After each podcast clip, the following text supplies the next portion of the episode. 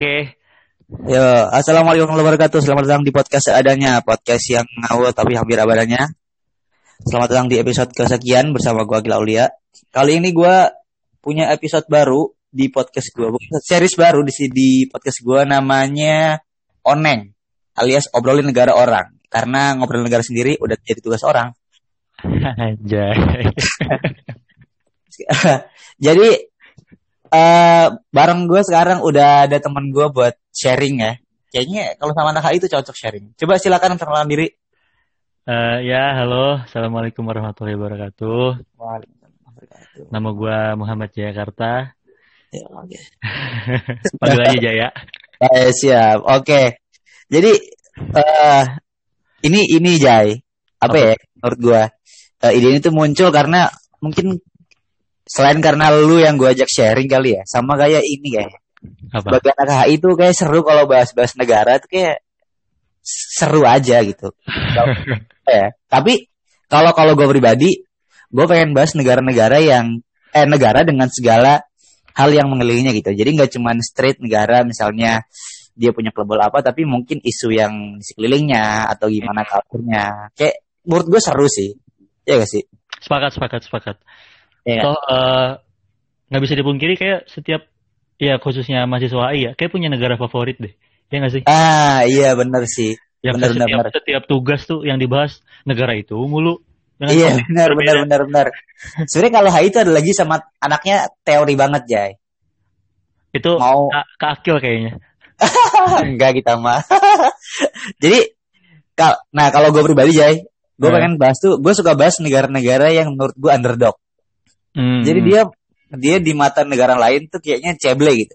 Tapi begitu dia kayak manuver sedikit, wah yeah. negara lain kok kayak panik gitu kan. Gue nah. gue tipikal orang kayak gitu gitu. Nah kalau lu gimana Jay?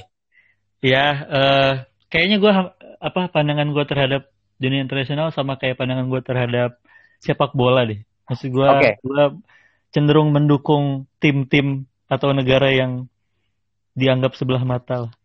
Eh, berarti under, yang under, yang potensi underdog ya. Iya. Iya.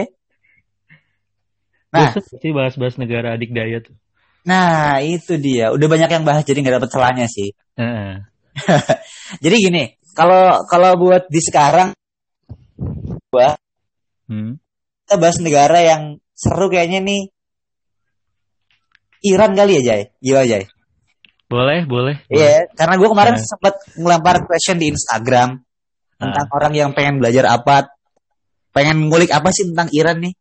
Kalau gue nah. pribadi, gue pribadi, gue tuh penasaran sama Iran ke banyak hal sebenarnya. Pertama, doi kan punya sejarah apa? Nuklir ya kalau nggak salah ya. Yeah. Pada era itu. Sama hmm. yang kedua, karena pengembangan nuklir tersebut, yang di kemudian hari dia terus uh, ada konflik politik sehingga kemudian dia seakan ditakuti oleh Amerika hmm. itu jadi menurut gue semakin menarik lagi tuh ditambah hmm. dengan isu-isu penculikan ilmuwan-ilmuwan Iran kayak ya ada kan maksudnya tidak bisa dipungkiri kan isu itu ada gitu kayak ngapain kayak di film-film lah ibarat nyulik ilmuwan tuh hmm. ya hmm. sama ini sih kalau gue gue suka sejarah lah nah terus gue tuh kayak seneng gitu uh, bagaimana kemudian Iran ini adalah gambaran sebuah peradaban Persia yang besar pada zaman dahulunya gitu. Kalau gue sih gitu, uh, uh, apa ya, ketertarikan gue tentang Iran tuh, ya itulah gitu.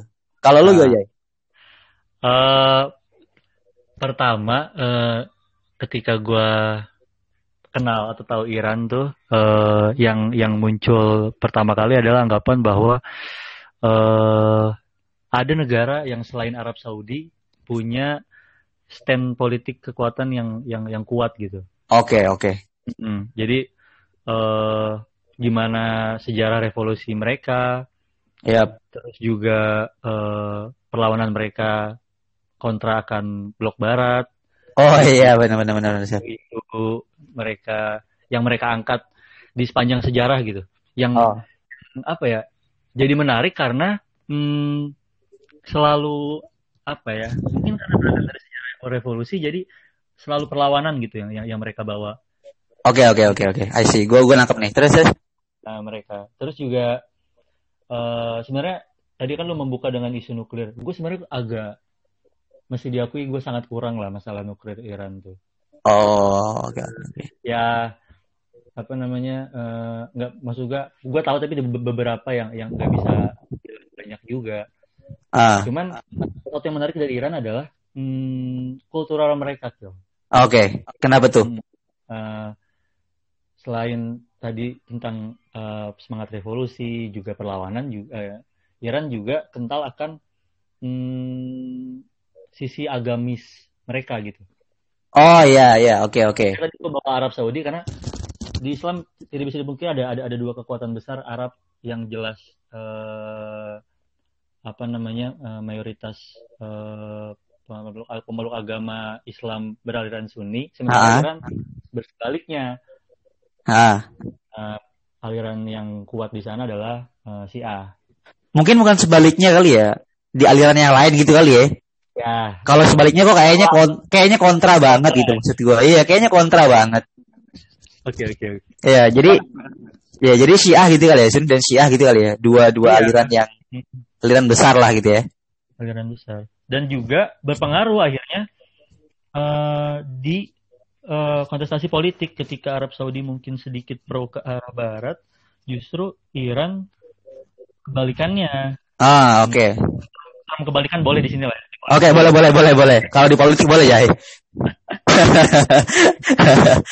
jadi jadi me- menarik lah maksud gua ya mungkin karena gua juga eh, di masa kul- perkuliahan kemarin banyak membahas tentang Iran dan eh, banyak sekutunya Ah, juga ah. jadi ya, itulah Ini termasuk keintiman keintiman tersendiri ini juga termasuk peran Iran di konteks Suriah ya.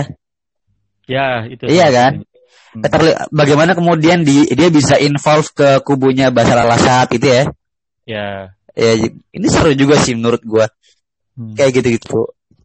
Berarti menurut lu Iran di di saat di saat ini bahkan mungkin ke depan ada di blok blok timur. Eh, itu kan sempat lu nanya ke gue juga ya Iran tuh dibantu iya. blok barat atau Iya. dibantu blok timur gitu Iya. gue iseng jawab dibantu blok Tuhan kayaknya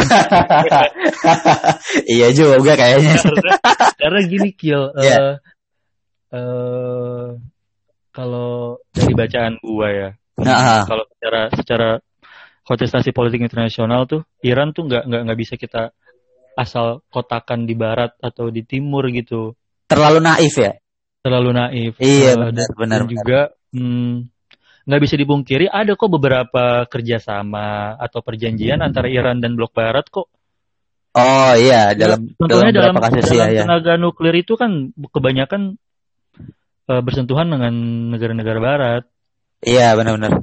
Termasuk US ya kalau nggak salah. Termasuk, iya termasuk US. Tapi kan kalau kalau yang gue tangkap nih eh, dalam dalam hal nuklir nih eh, segala upaya yang dilakukan US untuk kerjasama ini adalah menurut gue ya adalah upaya untuk melindungi diri mereka sendiri. menurut gue, menurut Iya. gue ya. Jadi kayak yuk kita baik-baikin kali aja kita nggak diserang nuklir gitu kali ya. kalau kalau gue sih gitu nangkepnya ya kalau gue. Tapi eh ya tapi kalau di masa Trump kan sempat ada yang kayak kayak keras banget itu Trump ke Iran tuh. Iya iya. Termasuk yang dia, kemarin yang dibunuh tuh siapa? ya? Jenderalnya ya. eh, Jenderal eh, Qasim Soleimani. Nah itu tuh, aduh sayang banget sih kata gue. Kalau menurut gue sih. Terus juga eh, ngebahas blok tadi, mungkin mungkin eh, kenapa akhirnya muncul anggapan bahwa Iran cenderung blok timur adalah karena mungkin dalam sejarah Iran pasca revolusi itu selalu dan kebanyakan eh, kontra dengan Amerika dan sekutunya. Banyak Oh, momen iya iya oke oke oke. mm, Gua kayak, kayak perang perang perang lawan Irak, perang lawan apa? Ada perang Teluk juga, Ah. terus juga konflik di Irak di masa Saddam, konflik Arab Spring juga Iya negara-negara tertentu ya di Iya. Syria, di Yaman, Iya. di Libya, selalu kontra Iran. Iya iya. Di proxy war proxy war gitu ya. Iya. Iya ya gue gue paham sih. Kayak Hmm. tapi de- kan lu bilang pasca revolusi nih berarti kan eranya Khomeini kan ya. Iya, Ya. iya. Tapi menurut lu gitu, apakah eh, dengan masifnya eh, masifnya tindakan Khomeini yang kontra ke Barat ini tidak menurut kemungkinan bahwa sebenarnya dia punya punya apa ya? Punya sebagian kecil hatinya ke Barat gitu. Hmm, Kalau dari literatur yang gue baca ya, mungkin gue gini, apakah di kemudian hari eh si Khomeini ini ternyata tidak sebenci itu dengan Barat gitu. just eh, gi- gi- gi- mulai dari mana ya? Jadi gini Kill, dalam Ah. sejarahnya nih, Nah, eh, Iran kan tadi di opening lu kan apa Iran tuh apa eh, punya sejarah yang panjang karena kan berangkat dari bangsa salah satu bangsa besar Persia kan. iya, iya, iya, Eh, ada Persia, ada Romawi, Yunani di, di masa lalu lah. iya, iya, Itu itu sejarahnya panjang banget sih Kill. iya, iya. Gue gue baca dan panjang banget emang Jay. Eh, dari abad ke-7 sebelum Masehi lah, Iya, dari dulu agamanya masih agama Zoroaster lah, api, iya, dan betul, lain-lain kan. betul, betul, betul. Penyembah bintang gitu ya. Ah, sampai Ah. kepada hmm, penaklukan Islam, sampai kepada penaklukan Mongol, Iya. panjang banget dah. Sampai di Eh, tapi- naiknya Pahlavi itu ya. Reza Pahlavi Ya. ya. Ah, Nah, jadi- tapi sejarah paling panjang adalah ketika eh, Iran itu dipimpin secara monarki, secara dinasti. oh, oke. Itu di era Kita kita mengenalnya dengan nama Syah kan. Ya, Syah ya benar benar. Nah itu nggak nggak cuma Pahlavi, sebelum Pahlavi ada lagi, sudah terus terus ke belakang. Itu dimulai dari dinasti kalau nggak salah namanya Safawi. Oh iya, gue nangkep nih. Dinasti Ya, ya. Safawi. Ya, oke. 500-an lah. Dia berlanjut terus eh, dengan eh, model monarki yang sama, tapi dipimpin oleh keluarga-keluarga yang berbeda, Kio. Oh, jadi dia dipimpin oleh banyak keluarga. Nggak cuman Iya. satu tapi turun temurun. Iya, kayak eh, neg- eh, keluarga pertama tuh namanya keluarga Ismail. Nah, keluarga Ismail itu eh, Iya. yang diri dinasti Safawi di Iran, Yap. pasca Mongol ya, ini pasca Mongol. Yap. Eh, itu sudah Islam tapi eh, apa namanya di- dikonversi di eh, secara resmi agama negara itu Syiah. Oh ya. Ya, oke, oke. Syiah itu sebenarnya bukan pas revolusi Kil, Oh, tapi Oke. itu di tahun 1500 oleh dinasti Safawi. Oh, jadi dia dikukuhkan sebelum revolusi ya, Iya. justru ya. Jauh jauh berabad-abad sebelumnya. Oke, oke, oke, oke. Nah dari dinasti Safawi itu eh ya itu tadi yang gue bilang eh, terus ber- berganti kekuasaan, Ah. keluarga yang berbeda Eh, ta- tapi dengan Tahu aja, tahu aja, tahu aja, tahu aja. Ntar lo, gue potong dikit ya. Tapi ini untuk Ah. clarify berarti kan aliran si, si Syiah ini sebenarnya sudah muncul se- sejak Nabi wafat kan ya? Which is Oh iya. 600 Masehi kan ya? 600 something ya? Iya. Ya, jadi buat buat clarify aja takutnya mungkin ada yang kira Syiah itu baru gitu. Karena dari yang gue baca juga Syiah kan sebenarnya ajaran yang lama juga, aliran yang yang lama ditemukan gitu. Oke, oke, lanjut, Ya lanjut. Ya eh, mungkin se- sedikit juga sih ya kan muncul pasca wa- apa namanya kebanyakan percaya bahwa muncul pasca wafatnya Nabi kan ketika ada yang percaya bahwa penerusnya itu eh Abu Bakar dan Khalifah Rasyidin selanjutnya Ah. atau langsung ke Ali. Ali sebagai Iya. menantunya Rasul kan. Iya, ini Itu aja sih. kalau bahas Premisnya. kalau bahas Syiah kayak bakal panjang, Jay. Makanya tadi gua Makanya. gua dikit aja dulu. Heeh. Eh, oke oke coba dilanjut yang sejarah tadi gimana tuh? Nah, setelah dinasti Safawi me- meresmikan agama negara sebagai Syiah kan, Ah, terus berlanjut sampai kepada keluarga Pahlavi. oh ya, si Syah paling terakhir tuh ya. Itu terakhir, itu Iya. tahun 1920-an lah. Oke oke. Kalau nggak salah 1925 lah. Itu pertama kalinya Reza Shah Pahlavi diangkat jadi Syah. Ya, jadi jadi rajanya gitu ya. Jadi rajanya lah. Oke, Syah oke. itu kan sebenarnya bahasa aja, Kil. Iya, bahasa Persianya kan. Sebenarnya raja kan itu. Raja. Iya. Nah, si siapa? Eh, Reza ini Yap. waktu menjabatnya pertama kali Ah. itu didukung sama Inggris. Oh, Jadi itu kan di masa-masa ini kan, di masa-masa Perang Dunia Pertama kan. oh justru didukung sama Inggris ya. Mm-mm. Oh, berarti eh, dia segeng sama Arab Saudi di kala itu. Di kala itu. Iya. Makanya eh, justru eh, lebih mudah mengkotakan Iran itu justru sebelum revolusi karena dia blok barat, Oh gitu. sangat blok barat. Sangat blok barat. Heeh. Ya, gue gue gue paham. Terus terus eh, seperti seperti tadi gue ceritain kan Ah, secara panjang versi iya ditaklukkan Islam, ditaklukkan Mongol, terus juga dinasti Safawi tadi. yep. Eh, menjelang menjelang berakhirnya dinasti monarki ini, Ah, eh, banyak pengaruh luar yang akhirnya masuk dari mulai Rusia, Inggris, Amerika ya yang sama. Ah, terus eh, terus. mempengaruhi perpolitikan di domestik lah. Oh, oke oke. Dan dan kebetulan di akhir itu yang diuntungkan adalah si Reza Pahlavi. Karena apa, Jay? Eh, jadi kan sebelumnya Reza itu nama keluarganya keluarga Kajar, pakai ki, Kajar dinasti. Iya, oke. Terus? Itu eh, singkat cerita adalah eh, raja terakhirnya itu, gue lupa namanya siapa. Bukan sebelum bukan Reza. bukan Yonglek kan, raja terakhir kan? Oke oke. itu eh, apa ya? eh, tidak sejalan sama kepentingan Inggris di sana saat itu. Berarti pengaruh Inggris gede dong. Lumayan, Oke, terus? lumayan. Eh, dan kebetulan eh, juga tidak dipercaya sama rakyat. Waduh, oke, terus. Eh, karena kan ya, keluarga Kajar ini sudah berlangsung lama juga kan Iya. sebelumnya Pahlavi dan kebetulan yang di akhir ini eh, mungkin dianggap tidak capable Hah?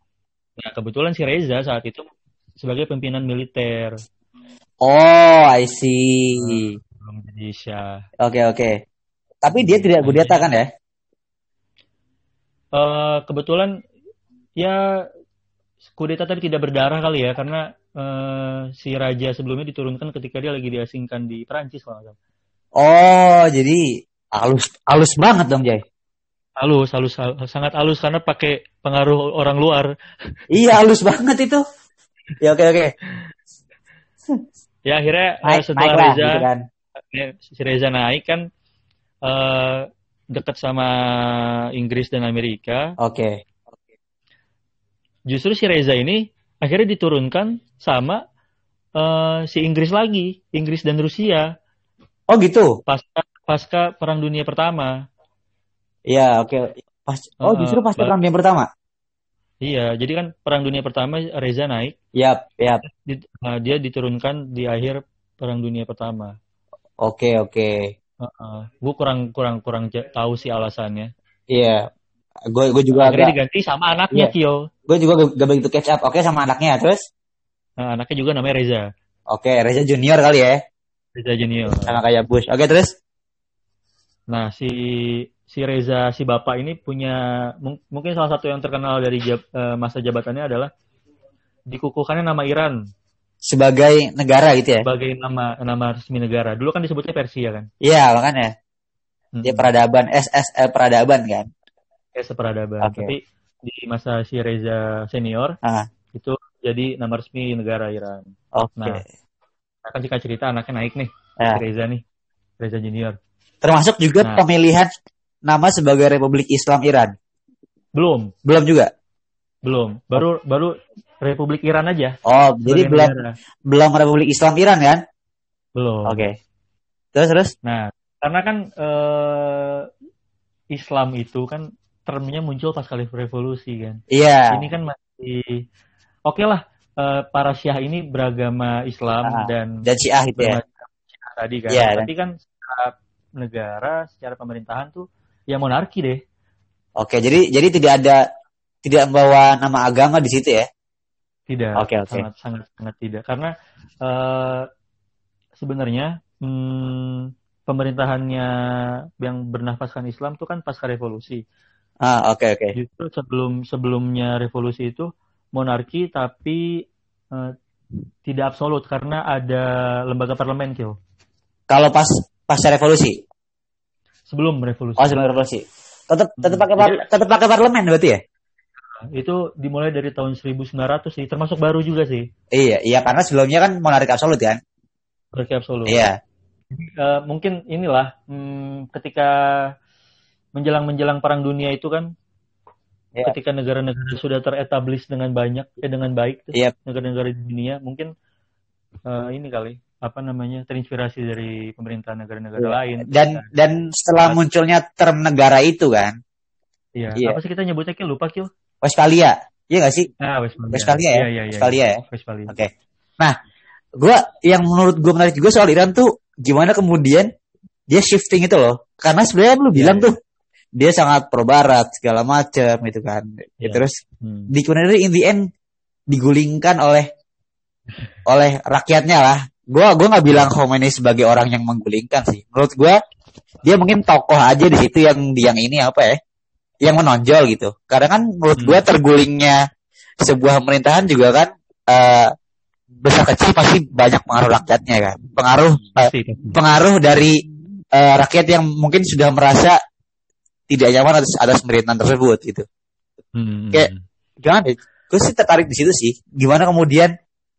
Padahal sebenarnya gue karena mungkin gue tidak terlalu catch up ya. Terus gue menganggap sebenarnya pemerintah- pemerintahan Raja Pahlavi itu tidak punya masalah menurut gue di, di internal ya, internally gitu. Tapi ini gue nggak tahu sih apakah ada apa enggak gitu. Kalau menurut lu gimana? Kalau gue sih sebenarnya di situ tuh eh, gimana kalau apa ya yang menarik soal Iran secara internal ya ini ya. Kalau gue pribadi itu di situ. Jadi ini masuk bab revolusi lah ya. Iya, udah udah geser nih. ya. Nah, tapi nyambung nyambung karena tadi kan itu cuma sampai naiknya Reza Pahlavi. Junior kan. Nah, terus Jadi kan naiknya Reza Junior tuh eh, di masa-masa menjelang eh udah perang dunia kedua lah. berarti 45 ya. Hmm, 45. Oke, terus Dia tuh na- sebenarnya dia naik tuh tahun 41. oke.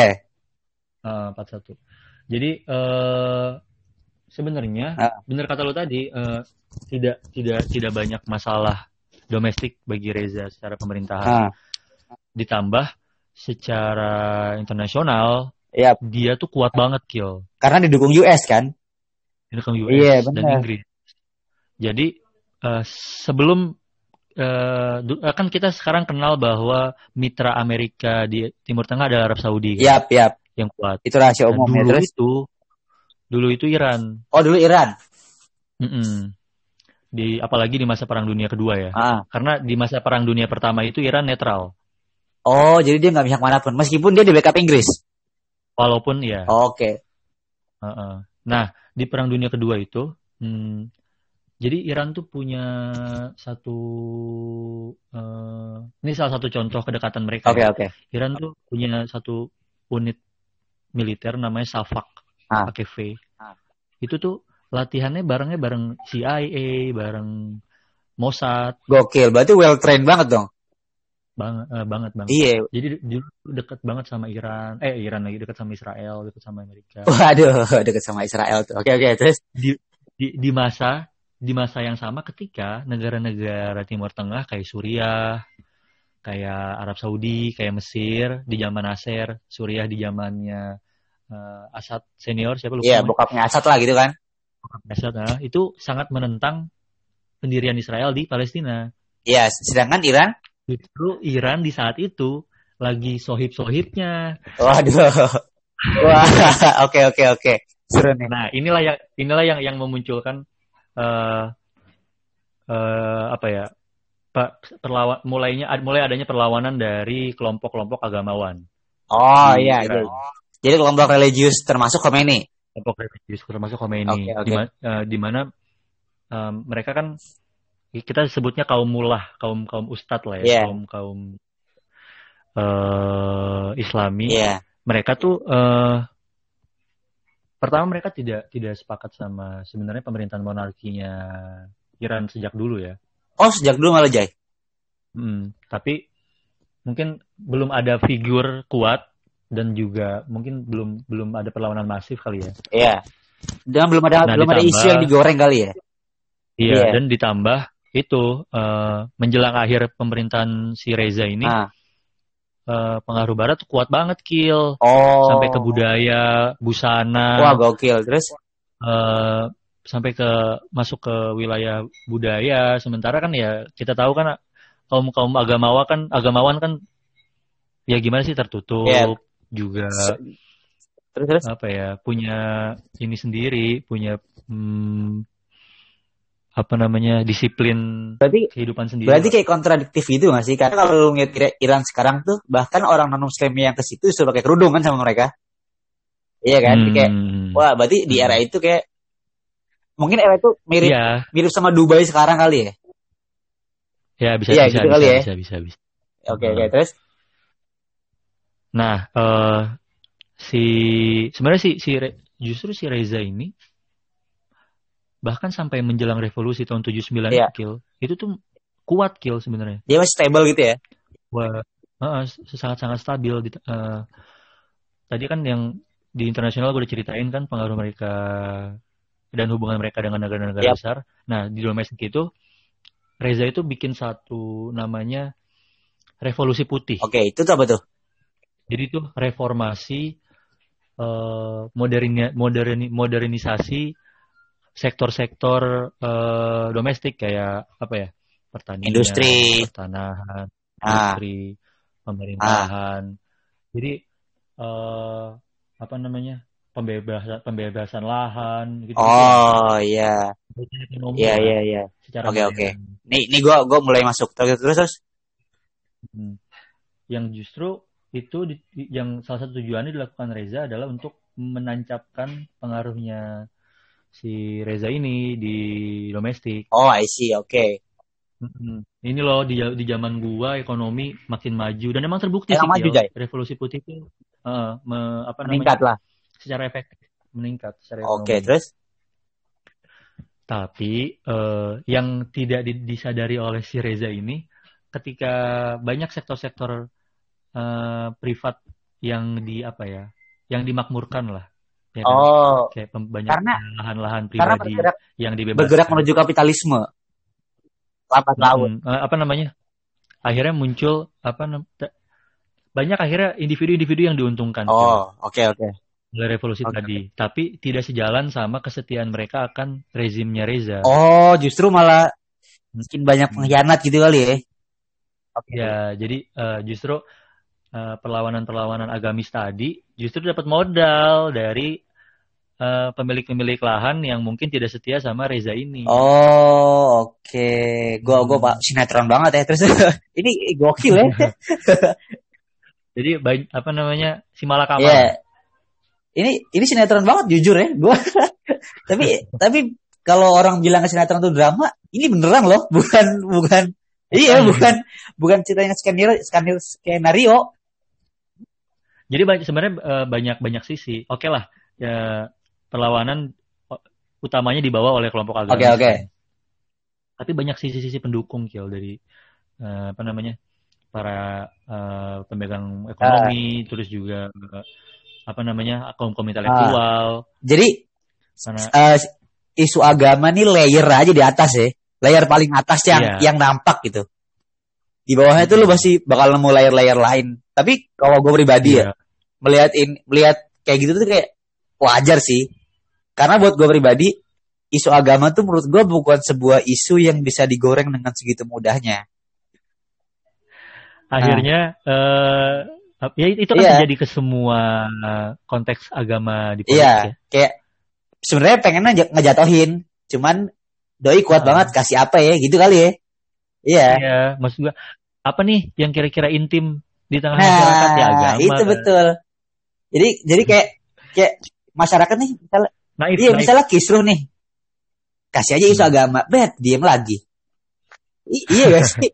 Ini sih ya, Iya, yang iya. yang gue pahamin ini kayak ada apa ya ilmu politik yang gue pahamin setelah gue belajar HI sih. Tapi iya gak sih? Lu sebagai orang yang belajar Hmm. juga gitu, Iya kan? Hmm. Terus terus terus abis yang layar itu gimana tuh? Jadi kan tadi gua gua bilang layar layar utama adalah layar agama. Iya layar atas lah. Nah, terus di- ditambah eh, didukung oleh eh, pemegang-pemegang lahan eh, yang kebetulan tidak setia sama eh, Palevi. Padahal diuntungkan. Padahal Wah diuntungkan. Nah, ada selanjutnya adalah eh, ini tokoh-tokoh politik justru. Oke. Karena yang tadi gue bilang kan, eh, walaupun Iran eh, itu monarki Iya. ya, tapi kan tidak absolut. Ada parlemen tuh ya. Masih ada, Oke. parlemen, masih ada perdana menteri Gil, Oh iya, oke oke. yang mengurus pemerintahan. Nah, di saat itu ada satu namanya Mossadegh. Muhammad Oke, Musaddiq. ini famous namanya nih. Terus Uh, uh, dia terpilih tahun 53 kalau nggak salah. Yap. Dia terpilih sebagai perdana menteri oke. Uh, kalau nggak salah dengan suara uh, inka- uh, apa sih incumbent ya apa sih incumbent Kil? Lupa incumbent tuh jadi dia udah menang di sebelumnya. Terus oh, lanjut, lanjut, ya. ya. Jadi dia punya suara kuat Ah. karena dia pemenang di sebelumnya. Uh, nah Ya. itulah Uh, apa namanya punya basis politik masa Iya, yang kuat si iya. Mossadegh ini kan. Dia kepilih tahun 53. Nah, sama Reza diturunin. Wah gokil. Uh, Terus? Padahal si Mossadegh ini terpilih secara demokratis. Ya, yang yang rakyat semua tahu hasilnya, tahu prosesnya maksud gua. Ya. Nah, tujuannya ini, tujuannya Reza menurunkan si Mossadegh, pertama tadi dia punya masa yang kuat, yang kedua adalah dia pengen menguatkan eh, kekuatan monarki di eh, Iran. Oh, jadi ini mau, mau menghilangkan unsur demokratis di Iran. Oh, oke, I see, I see. Ya. Mm, Jadi si perdana menteri di udah dipotong deh. Dikat, gue aja gitu ya. Hmm. Gua Iya, aja gitu ya, gue gue aja gitu ya. Oke, oke. Nah itu akhirnya kan menambah bumbu-bumbu perlawanan kan. Iya, ini ini gokil. Sama ini kan, sebenarnya terkait dengan revolusi ini ya, menurut gua scene yang ikonik itu adalah scene pidatonya Khomeini di depan ribuan pendukungnya itu kayak Aji, Nah, itu, itu gokil akhirnya. banget sih. Sabar, sabar, sabar, Iya. sabar. Gue gue mencoba bercerita dengan rumah. Oke, oke, oke. Jadi itu kan eh, tahun 53 Iya. tuh kan. Eh, terus apa namanya? Eh, tahun sekitar tahun 74. Iya, Kalau nggak salah 74 ya. Eh, pokoknya medio 70-an lah. Eh, jadi distrust pemerintah makin kuat, terus juga apa namanya? Eh, distrust pemerintah lagi. Apa sih? Ketidakpercayaan rakyat Oh, iya. pemerintah.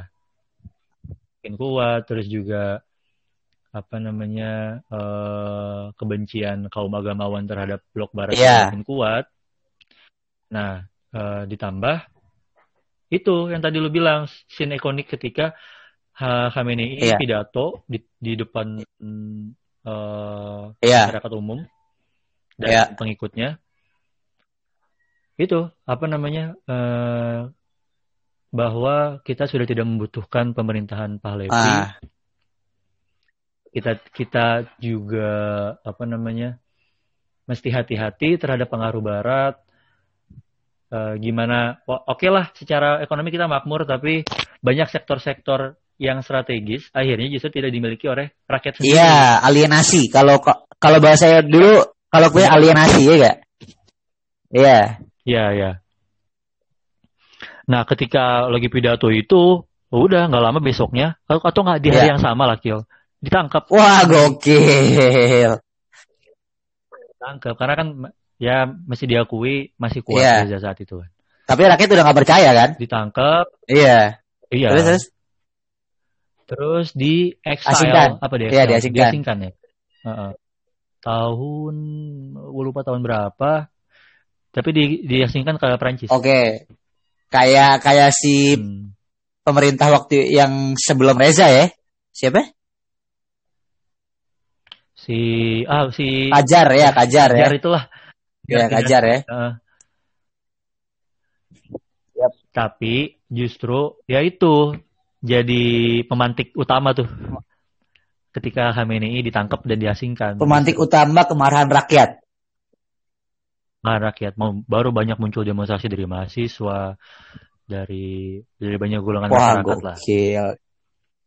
Eh, sampai- eh, terus juga salah satunya tuh eh, Ya, Syariati, Ali Syariati tahu kan? gue. Ya. Ali Syariati. Nah, dia kan salah satu orang intelektual juga Bang.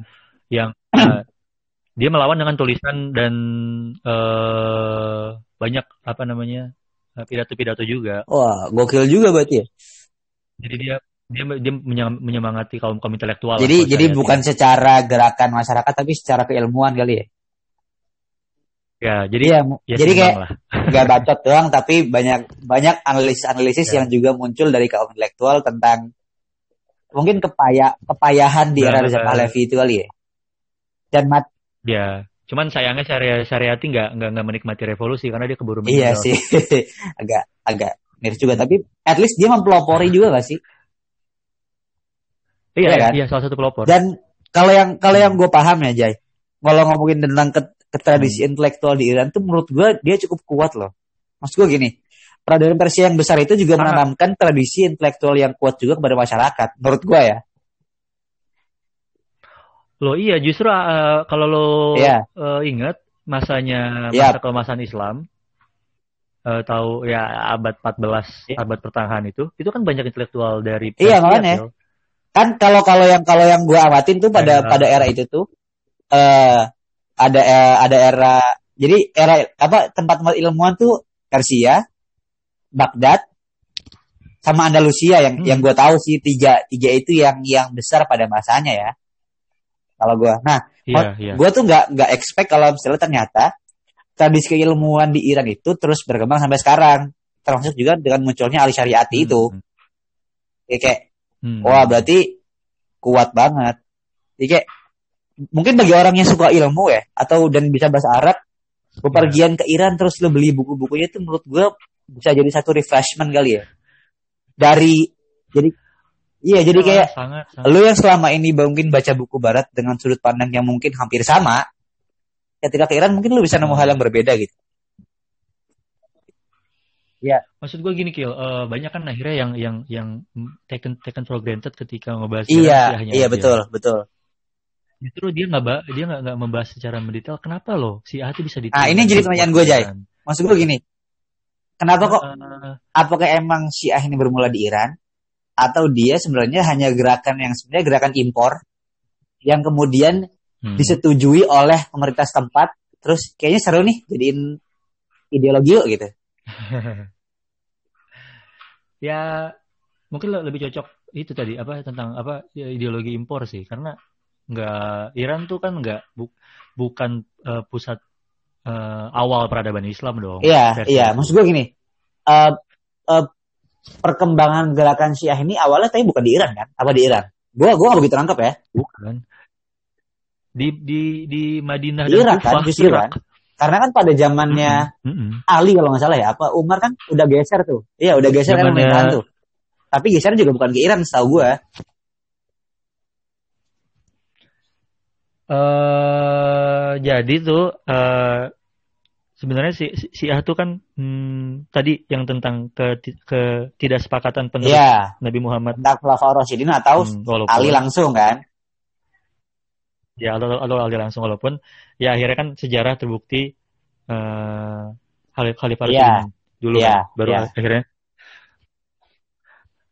apa namanya eh maksud gua eh sejarah Islam Iya, terbukti. iya. Oke, oke. Ini gue gue lengkap nih terus terus. dan eh, namanya namanya sejarah tidak satu akhirnya eh, lu percaya Iya, mana iya. terserah iya. gitu Ini sih. sih uh, Cuman yang pasti adalah eh, yang pasti adalah hmm, bukan bukan dari oke. Persia Dia, dia datang dari tempat lain kan? Eh, dari ya Iya, di dari- awal peradaban Islam deh pasca- Madinah Pasca Rasul wafat itu kan, berarti kan? Ya oke. Kan eh, pasca Utsman itu kan eh, Iya. Ali naik Ya. jadi, khalifah. Nah, Ali jadi khalifah sebentar di Madinah, kemudian memindahkan Oke. kekuasaan ke Kufah. Oke. Nah, di situ hmm, apa namanya? eh, mulai establish ke, eh, establish Syiah secara ideologi, secara kekuatan politik Ah, dan kekuatan agama ya. Ah. Walaupun eh, sempat dipadamkan oleh ya gerakan Hawarij, terus juga pasca Ali kan eh, ini ya iya Bani Umayyah Umayyah. kan yang cenderung eh, Syiah tuh. kontra sama Iya, iya. Syiah ini. Eh, ya banyak lah. abis abis Ali kan ada yang bilang Hasan anaknya Iya, iya benar. Muawiyah. Abis Muawiyah Yazid. Yazid punya Yang pem- sejarah yang kelam, pembunuhan itu bukan sih? Iya, iya. ya, Karbala Iya. itu Iya. eh, Husain Husain Iya, cucunya oke. Rasul kan. Nah, apa namanya? Hmm, tapi tidak bisa dipungkiri eh di Ah. tahun-tahun selanjutnya, Ah. di abad-abad selanjutnya, Syiah itu Oke. tidak padam, Justru menguat. justru berkembang dan Oke. menyebar ya menguat. Kan sempat kuat sempat kuat di dinasti Fatimiyah di itu itu gue paham tuh. Terus eh, yang apa pendiri Al Iya, Azhar aduh. kan banyak yang Ya, bilang itu pengaruh iya, Syiah Fatimiyah, iya. Fatimiyah. Terus ada juga yang akhirnya menyebar ke Termasuk akhirnya ini, berkembang di Iran itu ya. Oke, jadi Iran di zamannya dinasti Safawi. oh berarti udah udah agak akhir ya. Iya, maksud gua kenapa akhirnya di Iya. Persia jadi kuat?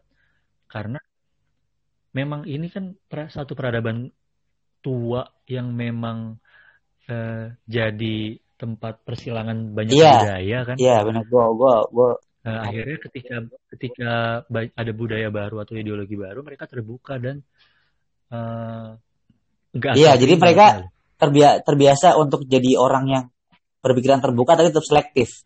Iya gak? Iya. Ya. Mm. Jadi akhirnya eh, ketika Syiah be- berkembang di Persia, jadinya kuat, jadi satu identitas kuat. Mana apa namanya eh, di, di, di saat yang sama Sunni Iya. kuat di Ottoman. Jadi kan. mungkin mungkin alasan lain mungkin karena Sunni gak masuk kali ya, Jay? Atau masuk tapi sedikit pengaruhnya. Eh, jadi ada gue sempat baca sedikit. Jadi eh, Syah Ismail Iya. ini, Syah pertama ini eh, juga Oh, intoleran. terhadap Hmm, jadi dia Syiah, tapi dia intoleran terhadap Ottoman dan Oh, pengaruh. Jadi muaranya di situ. Hmm, Oh, alah. Iya. Oke, oke. Akhirnya kan banyak banyak banyak Iya. faktor ya kenapa eh, Syiah jadi kuat Iya, di makanya. Iran. Oh, berarti gokil juga ya. Ini gue baru tahu loh. Maksudnya gue gini. Kalau misalnya itu pemerintahan terbuka dan dan tidak terjadi apa-apa terhadap Hmm. pemimpinnya, maka menurut gue aliran itu bakal bakal berkembang secara fair lah gitu. Karena kan tidak bisa dipungkiri pasti Iya, it- apa ya bakal masuk lah aliran itu kan dengan dengan penyebaran informasi yang sebegitu cepatnya gitu kan. Tapi ternyata ada ada figur si Ismail Iya. ini ya. Iya. Itu dulu sih di, di awal-awal ya, apa establishnya Syiah Oke. sebagai ideologi ya resmi. Cuman akhirnya kan ya kita kan nggak bisa betul. ideologi ya. Tetap, tetap, bisa masuk lah. Akhirnya akhirnya ya akhirnya kan di Persia kan banyak kayak orang Kristen, orang Yahudi, orang Zoroaster. Bahkan Zoroaster kan agama Ini. agama awal orang Persia. Iya. Iya. Uh, Bahasa Iya yang yang tahu campur ya. Iya, ini ini gue tahu. Jadi kayak Cuman akhir cuman akhirnya yang mayoritas Syiah. eh, karena peranti orang tersebut ya si Raja Ismail tuh ya. Iya. Dan juga ideologi resmi. Iya, tapi itu kan setelah setelah setelah Ismail wafat. Iya, sampai sampai sampai sekarang lah, sampai Nggak, bahkan Pahlavi gini. kan Syiah. Pengokuhan itu kan pasti setelah Ismail wafat kan, bukan bukan Oh iya iya. saat Ismail memerintah. Oh, Oh saat gitu. Ismail memerintah. Iya kan jadi sebelum Ismail itu kan Iya, Mongol gue baca tuh. kalau yang Mongol tuh, ya. Mongol Mongol kan eh, ya kita Ya, nggak tahu yang si agamanya siapa apa ya. Khan gitu-gitu kan, Genghis Khan ya. Iya, kebaikan dan lain-lain. Aja isi. Oh, gue baru baru baru ini sih insight baru sih buat gue pribadi ya tentang Iran dan Syiah. Hmm. Gue kenapa di kemudian hari kenapa Syiah jadi sangat kuat ternyata ada figur Ismail juga sih di situ. Sama kayak mungkin kalau Hmm. nggak salah Brunei kan agama sebenarnya Islam kan ya. Eh mungkin sama kayak gitu kali ya. Hmm. Kenapa kemudian Islam sangat berkembang di Brunei karena emang ada figur ada faktor pemimpin yang memilih. Faktor Iya, memilih di situ kan. Hmm. Oke oke oke. Ini menarik banget ya menurut gue Iran tuh ya. Tapi iya ini udah, Banyak udah sebenarnya. lama aja, udah 43 menit. Gokil ya. Lama juga nih ngomongin Iran doang. Tapi seperti pada podcast gue yang pada umumnya Jay, gue selalu pengen punya Nah, eh, teman sharing gue nih kata penutup tentang hal yang kita omongin lah. Dikit aja. Menurut lu Jay, hmm. Iran itu gimana? Eh, Simpel Iran aja, simpel aja. Gitu doang. resistance. Oh gokil. Oke. Eh, Iran Iran adalah orang-orang yang melawan. Oke, ini ini menarik banget. Tapi sayang banget udah kelewat lama. Ntar yang dengerin juga bosan juga. Juga kalau ada yang dengerin ya. tapi, tapi ini menarik. Mungkin kita bakal bahas tentang Syiahnya nanti kali Jay. Kayak seru Jay bahas Syiah. Iya, eh, eh, maksud gua jadi menarik ketika kita eh, ngebahas Iran pasca revolusi di waktu Iya, yang karena- berbeda, Kyo. Takutnya nyampur. Iya, kalau nyampur, Nyampur. takutnya orang juga nanti misinformasi kan, pasti kan. Jadi kayak sayang aja. Kayak gue harus gue tutup. Mungkin kalau kalau ada yang kalau ada yang dengerin Iya. ya sebagai disclaimer, eh mungkin kita bisa bagi podcast ini sebagai Iran sebelum Iya, dengan ya. dengan segala keunikan di belakangnya ya pasti ya. Karena Ya. karena Lebih- karena lebih ke ya karena Iran pasca revolusi itu a whole new different thing ya gak sih? Iya kan, pasti Yap. bakal beda. Buat buat buat teman-teman buat teman-teman ya, buat teman-teman yang Ibaratnya. tahu Iran sekarang. Nah, ketika lu denger podcast ini mungkin lu bakal tahu bahwa ternyata Iran pernah se sebarat itu di era di eranya ya. Ya oke. Kayak ini Ya, harus tutup Jai. Eh, oke, terima kasih Jai Ya, udah sharing oke. bareng gue nih. Ya, kapan Mas nanti Akil. kita collab lagi ya. Ah. Kayak kayak seru bahas-bahas yang kayak gini-gini nih. Ya, Tapi Iya. eh, podcast yang series Oneng ini pasti bakal banyak negara lain ya. Nanti gua up di Instagram gue deh Iya. negara mana yang mau dibahas. Oke. Gua Akil Aulia. Siap.